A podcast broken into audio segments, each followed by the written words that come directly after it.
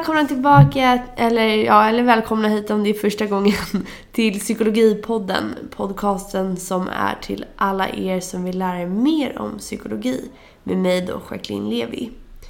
Eh, förra veckan så vet jag att jag lovade att lägga upp en andningsövning. Som ni antagligen hör så är jag ganska sjuk och jag har varit det ja, sen förra helgen faktiskt.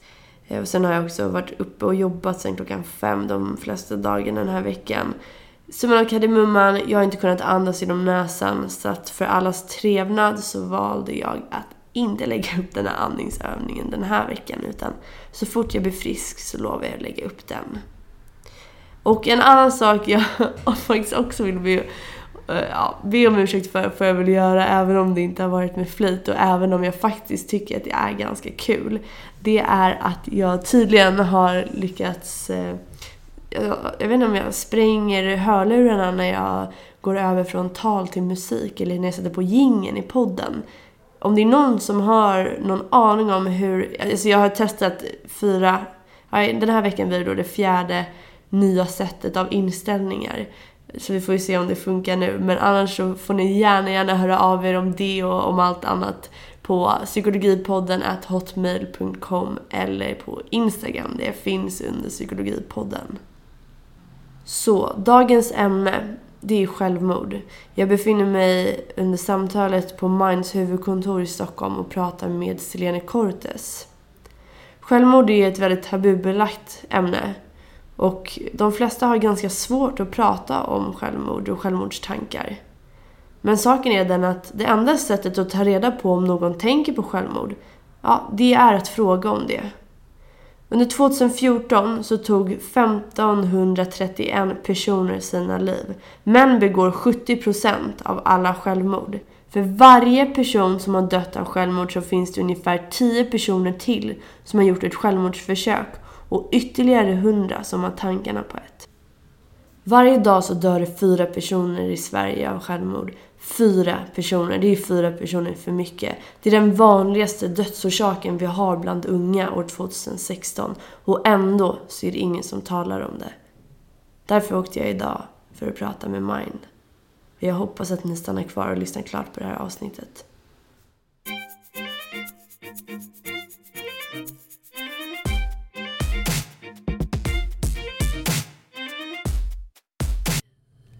Hej och välkomna till Psykologipodden. Jag sitter just nu på Minds huvudkontor på Söder i Stockholm med Selene Cortes. Välkommen. Tack så mycket. Uttalade jag det rätt? Det var ganska bra. Ganska bra. Ja. Vem är du? Jag är utbildningsansvarig och projektledare här på Mind. För de som inte vet, vad är Mind för någonting? Mind är en ideell förening som har funnits sedan 1931 eh, som jobbar mycket med kunskapsspridning och opinionsbildning och det har man gjort under hela föreningens livstid.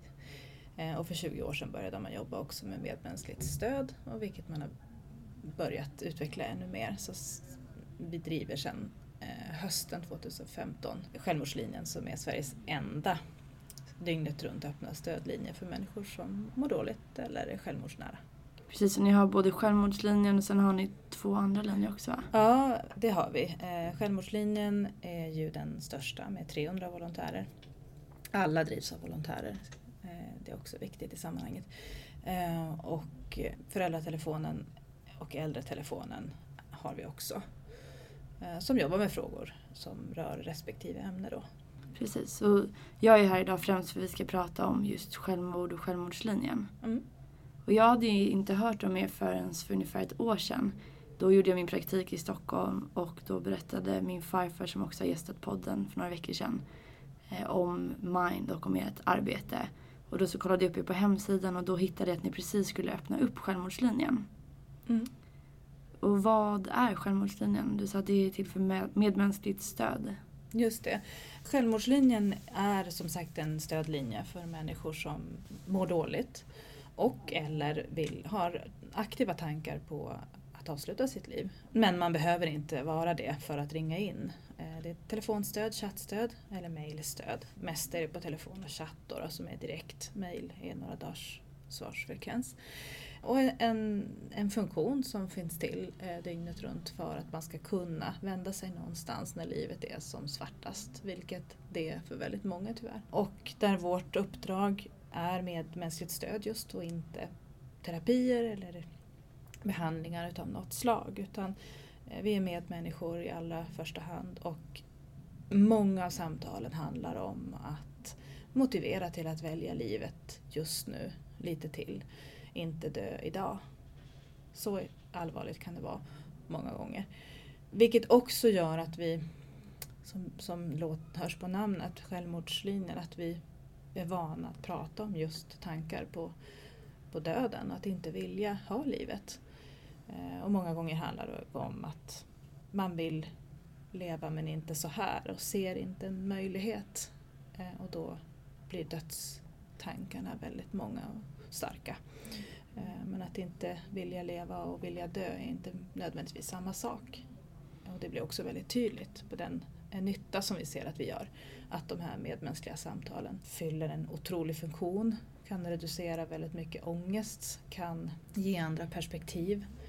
Att bli lyssnad till, att få berätta och också få stöd och råd i stunden. Många är väldigt, väldigt ensamma i sin svärta och i sin, i sin situation. Många har inte berättat för någon hur de mår, man vågar inte. Eh, och då blir det väldigt, väldigt tufft att leva eller vara ensam med så mycket stora frågor. Och det kan vara människor som utåt sett har en, en hög funktion, att de har ett arbete, de har sociala nätverk och de kanske har familj och partner och barn och, och massa vänner och att man inte, ingen vet. Du sa att inte vilja leva och att vilja dö är inte alltid samma sak. Mm. Det tycker jag är viktigt att prata om för det, det tror jag inte så många har tänkt på förut. Mm. Nej, det är väl eh, Ann Heberlands fantastiska bok som kom för några år sedan som eh, har den titeln, eller liknande. Och det, är ju, det förklarar komplexiteten i när man mår så dåligt och inte ser någon utväg eller en möjlig lösning för en själv. Eh, men skulle det vara annorlunda så kan de flesta tänka sig att då skulle man vilja leva. Men man ser inte att man kan nå dit eller man ser inte hur det skulle gå till eller man, man kanske har försökt jättelänge. Och det kan ju vara olika orsaker. En del har situationer, yttre faktorer som är jättesvåra. De lever i, i dysfunktionella relationer eller är väldigt utsatta. En del är väldigt unga, är beroende av människor som behandlar dem illa eller utnyttjar dem. Eh, och andra har kanske alltså fysiska problem och psykiska sjukdomar som är väldigt, väldigt svårbehandlade och där man har försökt länge och inte fått ordning på det. Man har kanske testat in och ut medicin under flera års tid, man har flera olika diagnoser som gör att det är svårbehandlat av den anledningen. Vilket gör naturligtvis att det, att det, det blir otröstligt till slut för att man tänker att vi har försökt så mycket och, och man kommer inte ur de här depressionssvackorna till exempel. Och, och då, kan det, då kan tanken att det inte går att lösa blir väldigt stark. Och det handlar ju också om, det är väldigt depressionsstyrt såklart. Mår man så dåligt, eh, många gånger så är det väldigt, väldigt lätt att förstå att de gör det. Det finns liksom inget tvivel om att många har det otroligt tufft. Eh, och då är det också svårt att se en utväg och ibland blir man, får man ett väldigt starkt tunnelseende när man är i djup depression. Det är en del utav den problematiken. Där självmordstankar kan vara en väldigt tydligt inslag och bli en, en, det är en rationell lösning på det. Att ta bort smärtan. Om du lägger handen på en platta och det bränns, då tar du bort handen. För du vill bli av med smärtan. Det är en ganska sund reaktion. Eh, men därmed inte sagt att det är särskilt sund och självmordstankar. Däremot så är det ganska vanligt när man mår dåligt. Mycket, mycket vanligare än vad man tror. Man är, de, de som har det är väldigt, verkligen inte ensamma om det. Och det är många, många fler som har självmordstankar än de som har eh, självmordsplaner eller faktiskt gör aktiva försök. Mm. Hur vanligt är det med självmord och självmordstankar? Det kan man ju bara uppskatta men man brukar säga på varje självmord går det tio självmordsförsök, hundra personer med självmordsplaner och tusen personer med självmordstankar. Uppskattningsvis. Mm. Så att det är jättevanligt att ha självmordstankar någon gång om man mår dåligt. Och därmed tycker jag att det är viktigt att poängtera att självmordstankar är något man ska alltid ta på allvar, även om det är vanligt när man mår dåligt. Eh, och inte minst för alla de ungdomar som går igenom sin tonår eh, och kanske har det tufft. Och få höra då av vuxenvärlden att ja men det där är vanligt och det är vanligt att må dåligt och det är, det är inte så konstigt, det gör alla. Det är att förenkla väldigt mycket. Eh, och då gör man dem en otjänst. Att visst, det, man behöver bekräfta och tala om att det är ganska normalt när man mår dåligt. Men inte varken normalt eller särskilt sunt att ha självmordstankar. Det ska man behöva prata om. Mm. Så vad skulle alternativet vara om du fick ge något råd till föräldrar eller vänner eller syskon som har någon i sin närstående omgivning som, som har sådana här tankar på döden? Vad kan man säga istället för att det är ingen fara, det kommer gå över eller det är vanligt? Jag tror att, jag tror att man säger det som ett, ett att eh, försöka att reducera sin egen rädsla och ångest när man hör det. Särskilt när det är en närstående. Om man inte är van att prata om de här grejerna. Även, även om man är van att jobba med, med allvarliga frågor så, så blir man rädd när man hör dem som man älskar eller står nära yttra sådana här tankar. Det, det är också väldigt naturligt. Eh, men jag tror att man behöver fundera lite grann på sin egen reaktion och sen våga ta samtalet. Verkligen lägga sig i, våga ta det och våga lyssna på svaret. Och sen betydligt enkla, raka frågor. Har du självmordstankar? Berätta om dem i så fall. Har du självmordsplaner? Berätta om dem. Och inte tassa runt utan verkligen fråga rakt på och orka stå kvar och lyssna på svaret. Och står du för nära den personen så att du inte gör det. Se till att någon annan tar samtalet. Det är viktigt, det kan rädda liv. Mm, verkligen. Du sa att det var väldigt vanligt med självmordstankar och självmordsförsök. Men hur vanligt är det med genomförda suicid? 2014 som är senaste siffran som vi har hamnar siffran på 1531 om jag inte minns helt fel. Och jämför då med, med som är genomförda självmord då. Eh, och då är det säkra självmord. Jämför med siffran för trafiken, då är det 275 samma år och då är en del av dem förmodligen självmord eller singelolyckor där man inte riktigt är säker och då handlar det om i, i trafikdöd istället. Då. Och tittar man på de siffrorna så ser man ganska enkelt att det är fem gånger vanligare med självmord än att dö i trafiken. Ändå pratar vi väldigt lite om självmord. Så det finns en nollvision för självmord precis som det finns för trafik. Däremot ser man att man satsar en hel del mycket mer pengar på nollvision i trafiken och det har gett resultat. Skulle man satsa pengar på nollvisionen för självmord så skulle man också kunna ge resultat. Mm. Och traditionellt sett så har det ju varit och är fortfarande väldigt tabubelagt att prata om självmord. Mm. Och det känns som att det finns en väldigt stor skamkultur kring, mm. kring suicid. Att folk inte vågar ta upp det eller man vågar inte prata om det. Man tror kanske att man är ensam eller skäms över att man inte vill leva fastän att man kanske har det relativt bra om man tittar på Sverige som land till exempel mm. i jämförelse med många andra länder. Mm. Hur tror du att eh, vi skulle kunna bli bättre på att prata om suicid? Men dels, jag tror ju på eh, samtalets magiska kraft. Verkligen att samtala, dels att öka kunskap eh, både om psykisk ohälsa överlag men också om självmord och då komma ihåg att självmord Eh, Eh, och psykisk ohälsa är inte två parallella bollar som liksom lever fritt ställda från varandra utan självmord är den yttersta konsekvensen av psykisk ohälsa. Eh, självmord sker inte av en frisk individ som plötsligt får ett infall utan det föregås av någonting. Att lära oss förstå hela bilden, att ta reda på hela berättelsen. Eh, att förstå hur självmordsproblematik Eh, fungerar, att förstå hur psykisk ohälsa fungerar. Alla har en psykisk hälsa. Livet är inte alltid räkmacka. Vi behöver förstå eh, hur normalt det är eh, och, att det i sig inte är särskilt skamfyllt. Det, får inte vara det. vi, vi, skapar alldeles för stora hinder i och med att vi har den här skammen och tabut. Och det går ju att jobba bort naturligtvis. Det handlar väldigt mycket om kunskap. Titta på cancer till exempel. Det var skamfyllt för 10-15 år sedan. Idag är det inte det. Eh, så att det går ju att komma runt och det, det, går att skapa, men man behöver satsa resurser på det.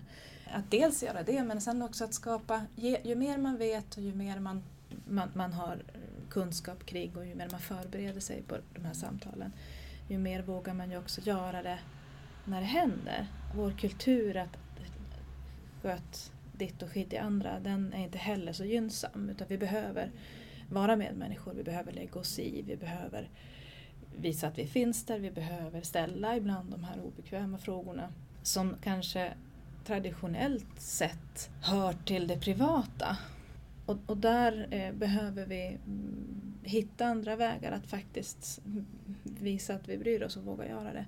Istället för att vänta tills det är för sent. Och ofta så, man väntar ofta av det är inte för att vi är onda, ointelligenta människor utan de flesta är goda, sunda människor som vill väl och gör gott men man gör det utav av respekt till den andra. Jag vill inte kränka dig, jag vill inte göra dig illa, jag vill inte få dig att må sämre. Eh, och så kanske man tassar lite runt i bästa fall eller så frågar man lite och så får man något halvdant svar och så nöjer man sig med det. Eller så säger man kanske, vill du prata finns jag här. Och, och, och då tänker man, då, det funkar mest för att döva sitt eget samvete för risken är ganska liten att någon ska prata när man mm. mår sådär dåligt. Utan mm. Då behöver man att någon annan tar initiativet och faktiskt sätter ner och ser att det är något. Mm. Och jag bryr mig. Hela vår kultur kring samtal av, den här, av det här slaget tror jag behöver förändras. Och, och det är inte särskilt svårt eller omständligt. De flesta är överens om att det är ganska logiskt. Men igen, vi behöver förstå hur och varför. Mm. Och lära oss eh, mer. Mm. Jag tänker också att, eller jag tror i alla fall att lyssnarna kan känna igen sig i det. Det kan vara i andra situationer också när man inte vågar fråga någonting. Man vet att man kanske borde fråga. Men eh, man kanske inte vågar av olika anledningar. Så då kanske man undviker det eller som du sa i bästa fall kanske säger du kan komma till mig. Mm. Och då har man ju lagt över det ansvaret på mm. den andra personen. Mm. Um. Och det är fint det du säger med ansvar för den här personen sitter kanske i den största krisen någonsin i livet. Man har hur mycket som helst att kopa samtidigt. Man hittar ingen väg ut. Man kanske behöver betala hyran eller ha ansvar för sina barn eller för någonting annat som, är, eh, som, som blir vila på ens axlar. Och då har en till boll som man ska ta i. Det, det, det är orimligt. Eh, och just då är man kanske, eh, har man då ett tunnelseende och en ganska stark med mycket självmordstankar, då behöver man verkligen någon som då behöver man avlastas i det och någon som drar den bollen istället. Mm. Eh, det är också sådär, man, man, kan göra det enkelt för sig. Vem skulle du prata med om du hade självmordstankar eller om du mådde väldigt dåligt? Den du kunde och kände att du var trygg med. Mm. Du pratar med den du kan. Man pratar med den man kan prata med, det är ganska enkelt. Och vem är man trygg med? Förutom de man känner väl. Det känner man också av ganska väl. Vågar du ta svaret? Kan jag? Orkar du höra mitt svar? Om jag berättar, om du frågar hur jag mår lite glättrigt och jag inte mår någon bra och jag har kanske en livsresa som är tuff som personer i min omgivning, kanske myndigheter eller ja, olika typer av auktoritära kontakter har backat för. Man kanske har förlorat vänner på vägen för att man har det tufft. Det är inte jätteenkelt att stå bredvid personer som har det jobbigt. Har man då den historien där man alltid är den starka på något sätt för att man blir kvar ensam med allt det här. Då, behöver man, då tar det ganska lång tid innan man vågar öppna för att man känner inte att för att, för att jag ska våga berätta för dig eller orka berätta så behöver jag känna att du orkar stå kvar. Annars mm. behöver jag kopa dig också och det orkar inte jag. Mm. Och då är det bättre att jag bara är tyst. Mm. Så att det är en, ganska, liksom, det är ganska enkel matematik om man funderar ner. Och vad vi ser här på maj det är ju att vi får många sådana samtal. De, de som är väldigt, väldigt ensamma i det. Eh, en del är ensamma i livet överhuvudtaget men andra har som sagt nätverk, har det socialt sett bra. Mm. Men kan inte prata om det här. Mm. Nej, alltså det kan man ju tänka bara när man träffar folk kanske på stan eller man träffar bekanta eller vänner till och med när man säger men hur mår du? Mm. Till och med då kan man ju tänka på nu, jag mår ju verkligen inte bra men nu, det kan jag inte ta här. Så då säger man, nej men gud allting är jättebra, hur är det med dig? Ja men det är bra med mig också. Mm. Till och med där har vi svårt att mm. säga hur vi egentligen känner. Så självklart så kommer det vara så mycket svårare när man har mm. självmordstankar eller tankar på döden eller har försökt ta sitt liv eller mm. vad det nu kan vara. Och en annan grej som jag lärde mig när jag var på utbildning hos dig i höstas det var att det finns många myter kring självmord. Och en som fastnade, som du berättade om, det var det här med att man kan inte trigga någon. Alltså det finns oftast en rädsla i att okej, okay, om jag tar upp det här med självmord med min kompis eller förälder eller syskon eller vem det nu är. Mm. Då kanske jag får den att begå självmord. Då kanske jag triggar igång någonting. Man väcker den björn som sover. Mm. Mm. Ja, det är en myt. Det, det stämmer inte. Eh, alltså den personen som har självmordstankar har dem oavsett vad du säger. Men samtalet finns ju kring självmord ändå om man söker. Eh, man planterar inga frön eh, genom att fråga om man har självmordstankar. Eh, däremot så kan det vara väldigt farligt att inte fråga och inte prata om det. För det blir man ensam med de tankarna så blir de också ofta mycket större. Många kan ha väldigt mycket tankar på döden och så när man frågar har du självmordstankar? Ja. Eh, berätta om dem. Har du självmordsplaner? Ja. Och så kanske man, man börjar liksom få en, en distans eller en reflektion kring sin egen situation. Ja, men nej, det har jag nog inte. Eller att man, när man behöver berätta det för någon annan så, så hör man själv liksom, och, och, kan också känna själv. Är det så här eller inte så här? Nej, ja, jo. Eh, och just det här att man helt plötsligt så är man inte ensam i sin historia och kan bolla och kan liksom känna av. Det kan ju vara jättejobbigt i alla fall.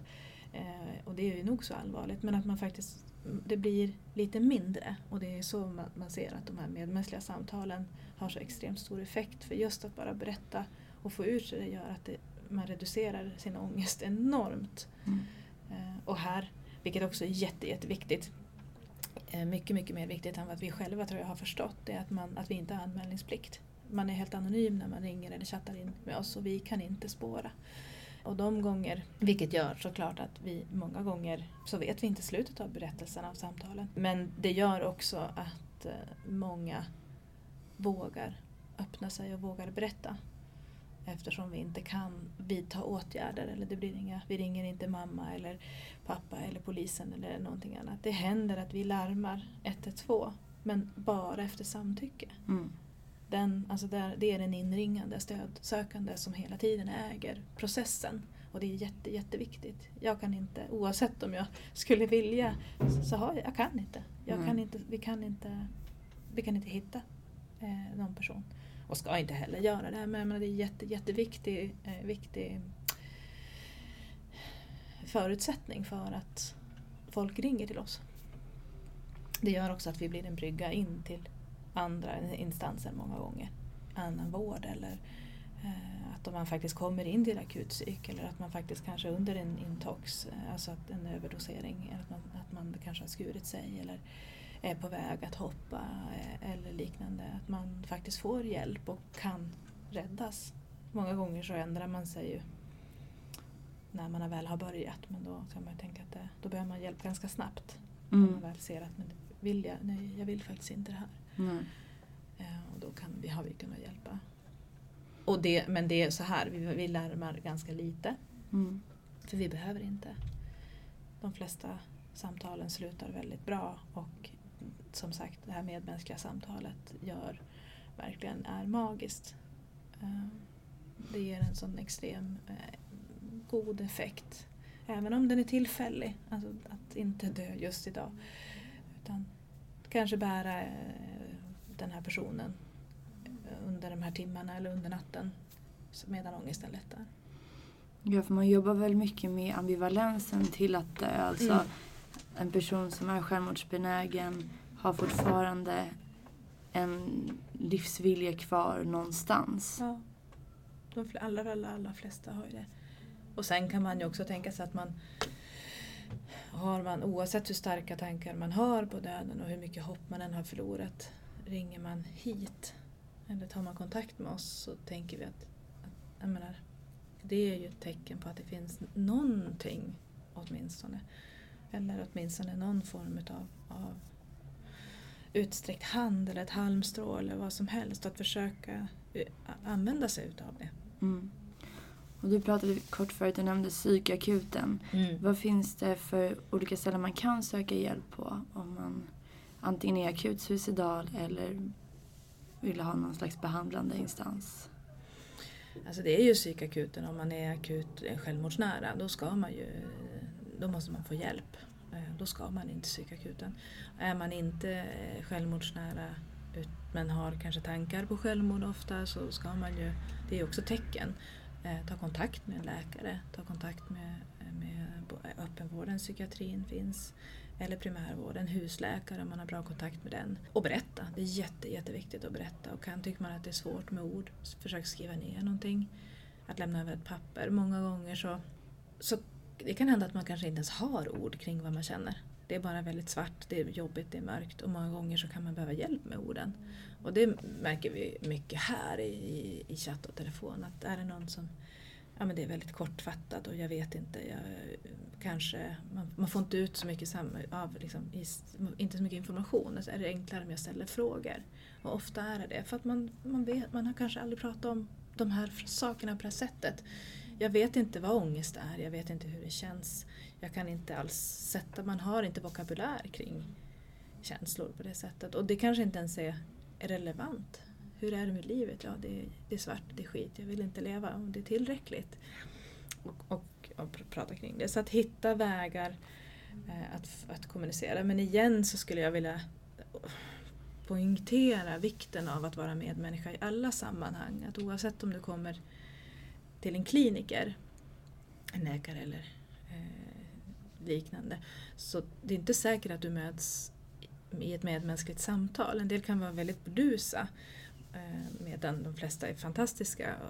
Det är också viktigt att påpeka men, men vi får ju in mycket, många personer som, som har sämre erfarenheter utav vården. Eh, och det finns ju också. Eh, och, och det gör att det är svårt att de har förtroende för att söka igen.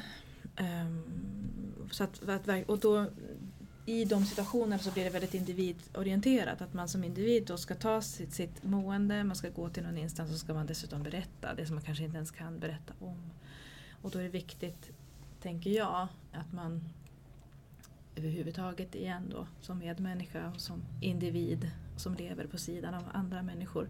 Att faktiskt vara uppmärksam på det, att kunna se även här. Så att det inte bara blir individens ansvar att berätta.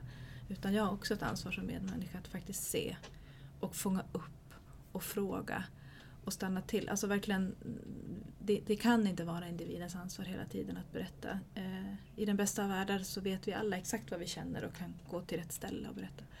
Men ofta så är det inte så. Och det ser man också i självmordsstatistiken att det är många som har varit i vården innan ett självmord, månaden innan. Men det är påfallande många som inte har varit det. Mm. Det är enklare att ta sitt eget liv än att gå till någon och berätta hur man mår. Det tycker jag är intressant. Mm. um, men annars är det primärvård, mm. uh, öppen psykiatri, mm. specialistvård eller att man söker till psykakuten och det är dit man ska om man, om man mår eh, om man är självmordsnära mm. eh, och att det är ett akut självmordshot, då ska man dit. För då, ska man, då behöver man hjälp på en gång. Precis som att få ett öppet skottsår i buken, då ska du in till akuten. Det behövs sys. Mm. Det är akut. Du kan inte vänta till någon tid om två veckor utan du behöver göra det nu. Jag tänker till exempel om man har ett eh, skottsår i buken eller brutit benet eh, eller vad det nu kan vara. Då syns ju det utåt på ett mm. annat sätt. Mm. Då är det kanske lättare för människor också att komma fram och fråga hur mår du? Jag ser att du har ont. Vad har mm. hänt? det blir mycket lättare att approacha, eller man ska mm. säga. Men eh, självmordstankar eller självmordsförsök behöver ju inte alltid synas utåt. Som du sa, det är väldigt många som har de här tankarna och försöken. Mm. Visst. Jag tycker, jag vet inte om vi får göra det eller om du är med på det, men ibland tycker jag att det kan vara svårt att till exempel fråga hur någon mår eller om de har haft tankar på döden för att man inte har ställt de frågorna förut. Man är inte van, vi övas inte i den typen av kommunikation utan snarare tvärtom så övas vi i att inte visa några känslor. Lägga upp glättriga grejer på Facebook. Precis, och instagramma mm. sin äggfrukost. Alltså, skulle du kunna ge några konkreta förslag på frågor? Du gav några tidigare men mm. återigen på hur kan man ställa de här frågorna som är så himla svåra för oss att ställa? Alltså jag tror att den, den, det enkla svaret är det, det är att allt det som, som du tänker när du möter den här människan. För alla samtal, jag, kom, jag kan ge dig några förslag men, men igen så kommer du att hitta eh, situationer där de inte kommer att vara värt någonting. Du kommer att behöva andra förslag. Mm. Eh, och oavsett hur mycket man förbereder sig så alla samtal är ju unika. Det är en individ bakom. Eh, du kan ju jobba jättemycket med olika typer av samtalsmetodik och det gör ju vi här också. Vi använder just av MI, motiverande samtal eller motivational interviewing som är den engelska termen som förkortningen står för. Och det kan man ju liksom spetsa hur mycket som helst. Men oavsett hur duktigt tekniskt du är på ett samtal så är det fortfarande en individ på andra sidan som du behöver liksom, du behöver utforska, du behöver använda liksom, dig själv också. Mm. Eh, och i det så är du det främsta verktyget. De flesta människor är medmänniskor och har det i sig. Eh, att lita på det och att liksom ha med sig ingenting jag kan säga kan göra det värre om jag inte gör det för att vara rent elak. Precis, för det kan vi ju tillägga. Så Ja. man kan ju, om man hetsar någon till Exakt. att ta livet det ska man absolut inte göra. Så länge syftet är gott eh, så, är, så är ingenting så, så kan du i princip inte göra någonting värre. Eh, och omvänt att man kan hetsa någon till att faktiskt ta livet av sig. Det såg man på självmordet på Flashback som också var en av anledningarna till, eller anledningen till att vi startade självmordsupplysningen som var föregångaren till självmordslinjen. Kan du berätta om Flashback? Jag tror inte alla vet Ja. vad det är. Absolut. Ja, men det, det är ett väldigt uppmärksammat fall där en ung kille lägger upp en tråd på Flashback som ett eh, nätforum där han skriver hängning, tror jag tråden heter. Och sen så berättar han att han tänker ta livet av sig genom att hänga sig. Och så ringer han upp en webbkamera och ska göra det i realtid där. Och han har ett ganska udda alias som, som låter ganska plojigt. Jag tror det är någon sån här luriflax, flux eller något sånt där. Eh, så folk tar inte riktigt det här på allvar från början så man börjar liksom babbla in på olika sätt och säga att ja men gör det då, kom igen då, jag ska till jobbet och händer det någonting och ja, får se om du har, liksom, om du vågar eller ja, liknande. Det här pågår ganska länge. Men ju mer tid som, som händer ju fler är det som börjar fatta att men vänta ett tag, det, det är, den här killen han, han har nog riktiga självmordstankar. Bland annat är det en kvinna som är mammaledig och har mist sin bror eller någon närstående. Jag kommer inte exakt ihåg om det var brorsan eller inte. I självmord. Och hon sitter och ser det här och reagerar jättestarkt på en gång när hon ser det här och bara nej, eh, vänta lite liksom. Bara, vad, vad, hur, vad tänker du nu? Vad tänker du med de anhöriga? Vad, har du skrivit något avskedsbrev? Och det hade han inte gjort, så det gör han då. Men man ser att det här samtalet pågår under ganska lång tid. Eh, och det går fram och tillbaka. Flera som försöker hindra och stoppa och flera som hetsar på. Och det gör också att han börjar tveka vid ett tillfälle. Så jag är inte riktigt säker på om jag börjar tveka nu och jag vet inte riktigt om jag, det här är en bra idé. Ja, men kom igen nu, du har ju lovat och jag har suttit här och väntat nu i två timmar. Och, eh, så till slut så eh, pratar de över honom till att faktiskt genomföra det, vilket han också gör. Och hon, den här kvinnan som ser det här, larmar men han är skriven hos sina föräldrar och har flyttat till en, ett eget boende så att de åker till fel adress. Eh, sen vet man inte, tror jag, om man skulle ha kommit, hunnit fram i alla fall. Men det här blir ett jäkla rabalder naturligtvis efteråt. Här, hur kan det vara möjligt och hur, eh, hur, ja, det här samtalet, hur det har gått. Vilket också bevisligen eh, visar att det går att, att elda på någon men det går också att prata tillbaks någon ganska väl. Och det är ju det, eh, efter det så, så agerade Mind genom att man började skissa på tankar på ett forum där man faktiskt kunde prata om de här sakerna. För man såg det extrema behovet Mm. ju.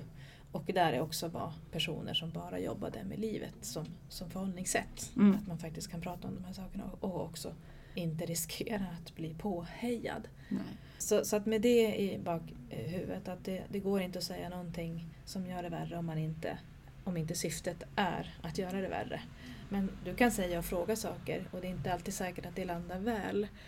För den här personen befinner sig i kris. Det är en enorm sorg att vara där man är. Man kanske är extremt både ledsen men också sörjer en förlust av kanske inte bara en närstående eh, men det kan ju vara förlust av en identitet eller ett arbete eller en, en, ett livsuppgift eller en kroppsfunktion. Det kan ju Mm. vara så många olika saker som orsakar eh, självmordstankar.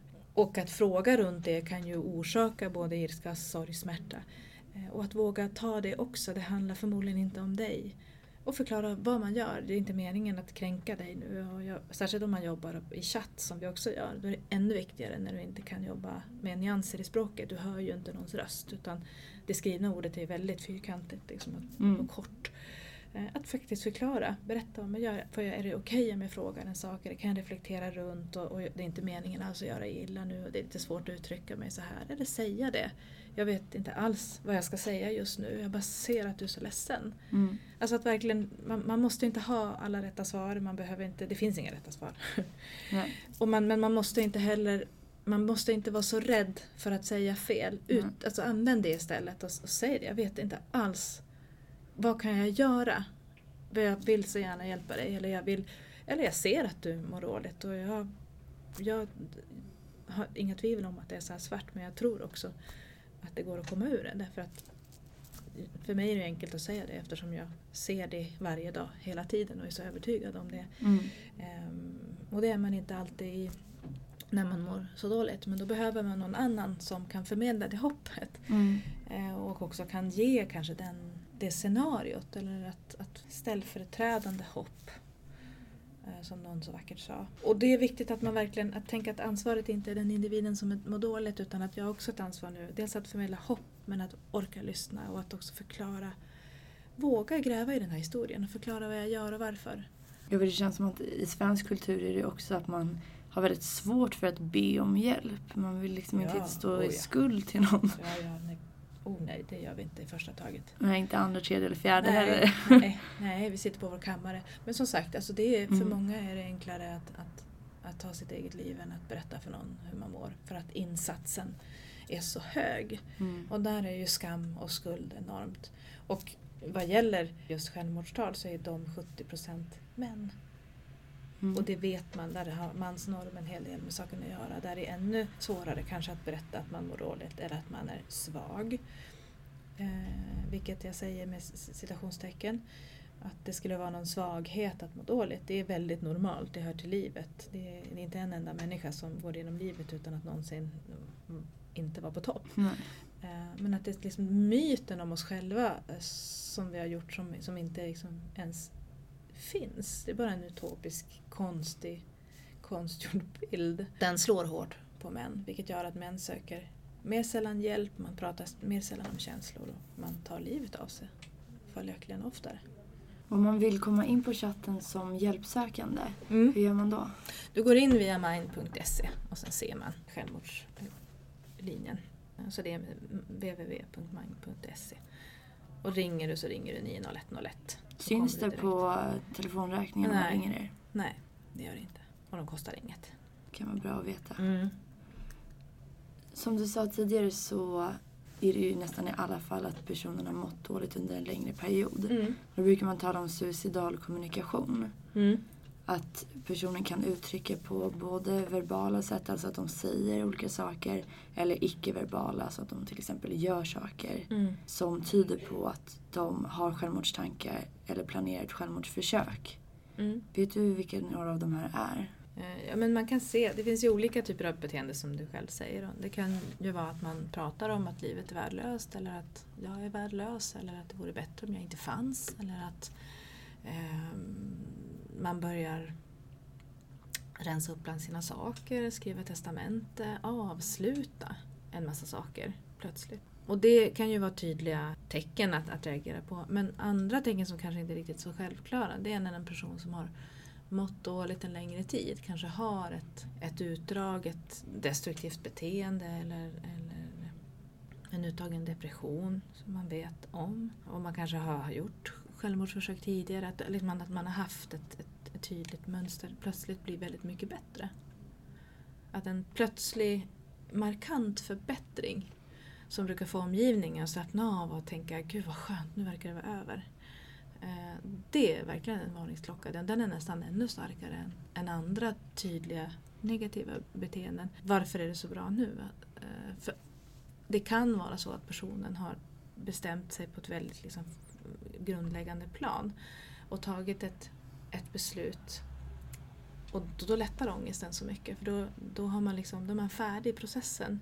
Och då, då upplevs man som mycket gladare och mycket mer avslappnad utåt. Vilket man ju också är fast av en anledning som är fasansfull såklart för dem mm, som är runt omkring. Eh, och många vittnar om det att precis innan så var det så mycket bättre så ingen fattade någonting. Så just det här markant förbättrade beteendet är jätteviktigt. När man, har, när man vet att personen, ska man inte gå och reagera på människor som är glada till höger och vänster, men en person som just har en, haft en problematik innan och plötsligt blir så mycket bättre, då ska man reagera. Och raka tydliga frågor. Mm. Bara kolla. Ja, för man brukar säga att tystnad smittar.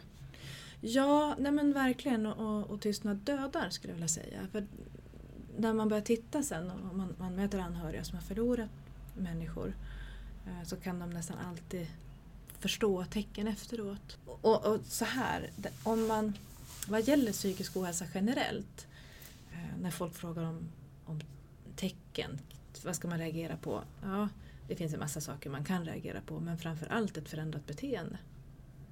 En förändring i beteendet eh, hos en person som du känner, den, det ska du reagera på. Och sen vad det handlar om, det kan ju vara olika saker. Men det är väl toppen om man reagerar.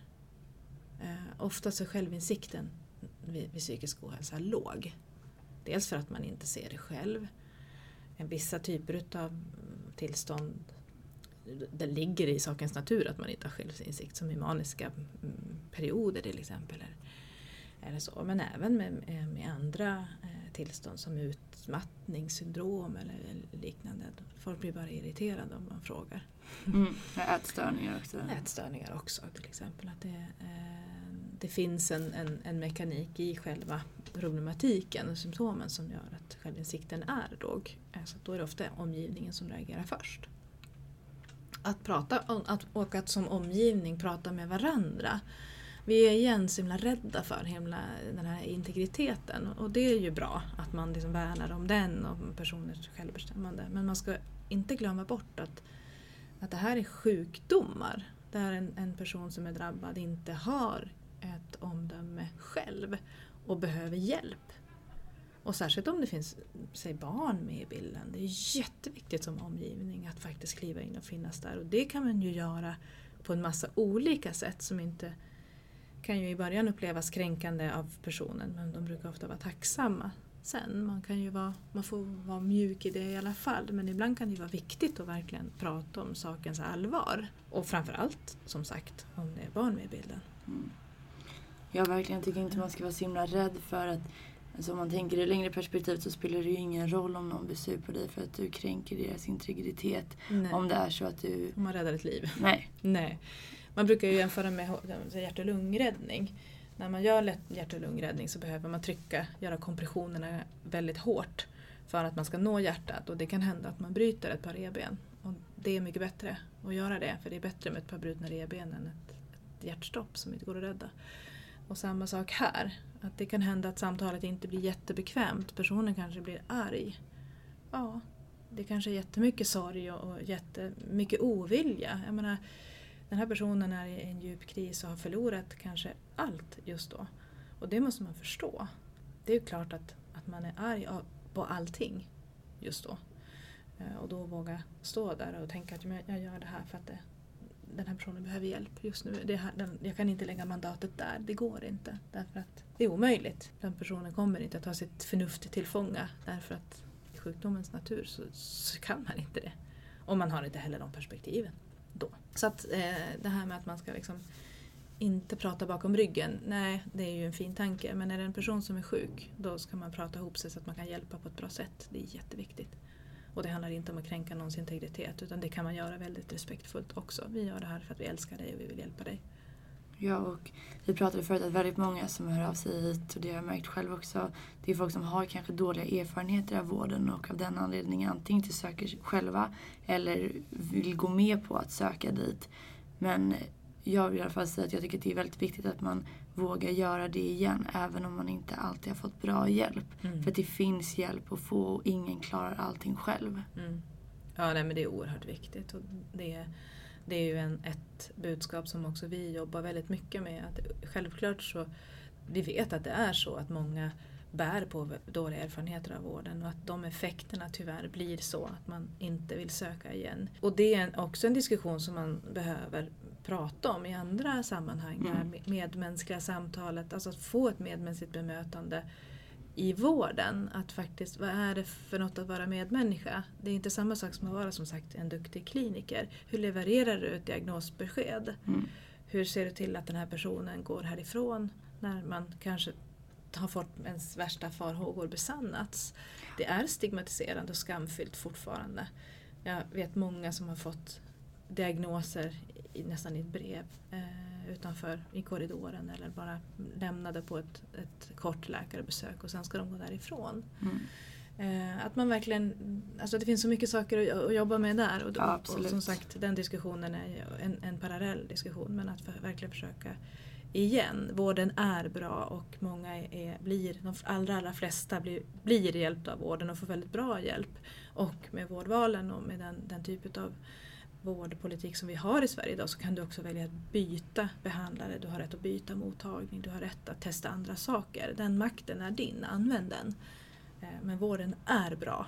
Och sen är det olika naturligtvis, att alla, eh, alla vill inte testa det ena eller det andra. Och, och, och det väl, men det ska man göra i samråd med sin läkare i så fall. Mm. Alla behandlingar eller terapier eller mediciner funkar inte på alla. Nej. Eh, Och det är en annan diskussion men att vården är bra, ja det är den. Den räddar liv också varje dag.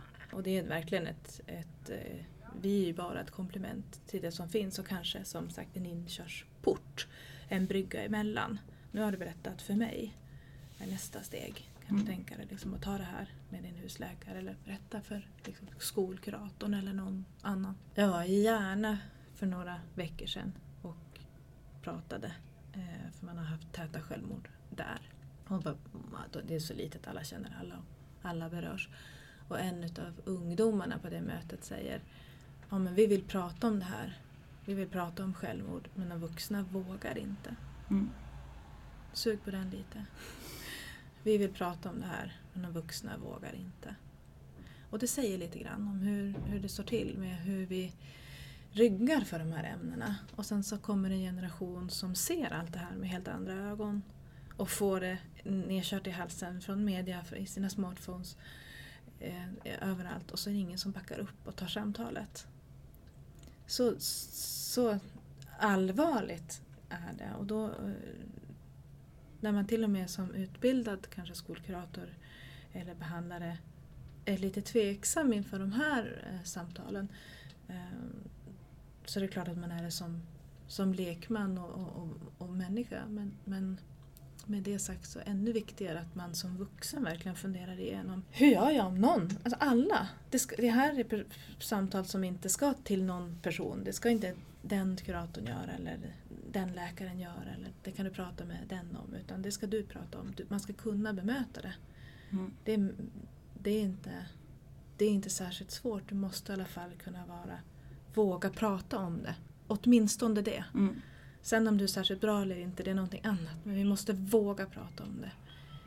Det är superviktigt. Mm. Eh, För det räddar liv. Vi har en hel generation som frågar efter det. Stöd och att vuxenvärlden ska våga prata om det. Det, måste vi, det ansvaret måste vi ta. Mm. Vi ska snart avrunda men jag kom på en grej till nu när du pratade. Om någon ber en att lova att inte berätta vidare. Till exempel jag skulle säga till dig, jag har självmordstankar och jag har planer på att ta livet av mig men du får lova att inte berätta för mina föräldrar, du får lova att inte berätta för mina kompisar. Hur ska man göra då? Som ung eller som, som vem som helst. Som, Som- ung som- eller som vem som helst. Det är jätte, jätte, jättebra eh, frågeställning att du tar upp och det är också något som jag ser mycket och det händer särskilt bland unga. Unga vänder sig till sina vänner, de vänder sig till varandra eh, och det är jätteskamligt och tabubelagt och berätta inte det här för någon. Eh, och så sitter den andra personen där och blir gisslan. För då får man bära jättemycket, det är jätteobehagligt, man blir jätterädd och har ingenstans att vända sig. Eh, så det är en, en eh, enormt viktig fråga där jag kan tänka så här. Får man en sån, ett sånt samtal, att verkligen i det våga stanna kvar i det samtalet och säga okej, jag hör vad du säger, du vill inte att jag ska berätta det här. Och så lämnar man det åt sidan ett tag och sen så pratar man om, men vad är det som händer? Berätta om vad du tänker, hur ser, vilka, hur ser självmordstankarna ut? Har du självmordsplaner? Alltså går in på de här och berätta vad, vad är det som gör att du inte vill berätta för någon? Förmedla hopp, förmedla hjälp. Det finns hjälp att få. Och att kanske erbjuda sig att tillsammans söka den hjälpen. Och funkar inte det, att verkligen säga att när, jag hör vad du säger men, men jag blir jätterädd att du ska göra någonting och jag blir ensam i det här nu. Kan, kan jag få hjälpa dig? Att, och det är jättesvårt för risken där är ju att du har en person som inte vill prata med dig någonting mer om, om det sker på fel sätt. Eh, men att någonstans försöka ta det här samtalet verkligen vidare. Att säga att ja, fast om du säger att du vill, vilken situation sätter du mig i då? Om det var jag som sa till dig att jag inte ville leva, vad skulle du vilja göra då? Att verkligen ha det här, liksom, jag vill inte göra någonting som inkräktar på, på dig. Jag vill inte att göra dig ledsen eller liksom skada din integritet men jag vill också hjälpa dig. Jag kan inte stå och se på när du dör. Det är jätte... Det är obehagligt och det, och det vill jag inte utsätta mig för så, såklart. Eh, men att verkligen försöka ha, gå vidare i den diskussionen.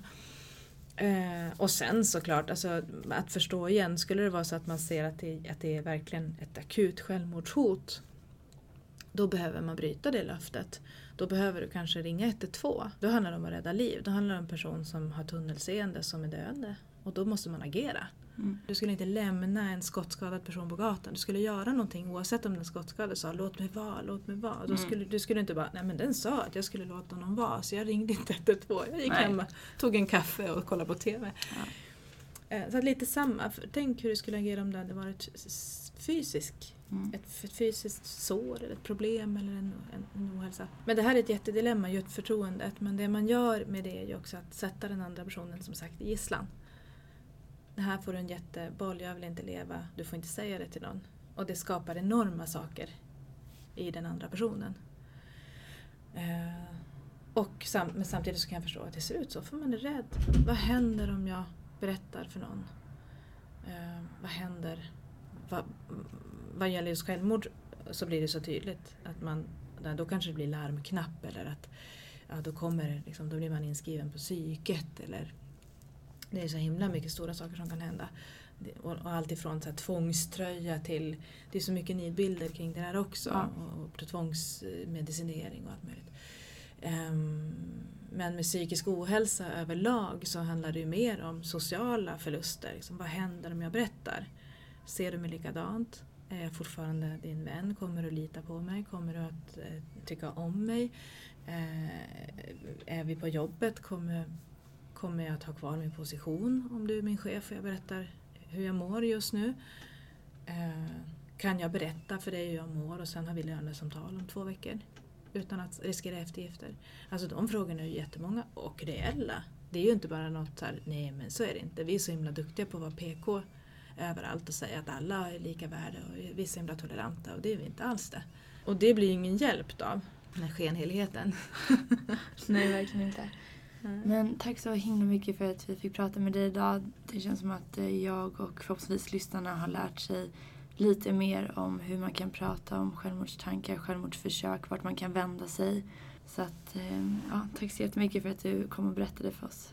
Ja, tack själv. Och jag skulle vilja tillägga och prata om döden med livet som förhållningssätt. Mm. För det är jätteviktigt. Mm. Vi behöver kunna prata om döden och existentiella frågor. Men vi behöver också bära med oss att vi kommer att kunna använda oss av livet. Mm. Verkligen. Tack så mycket. Tack själv.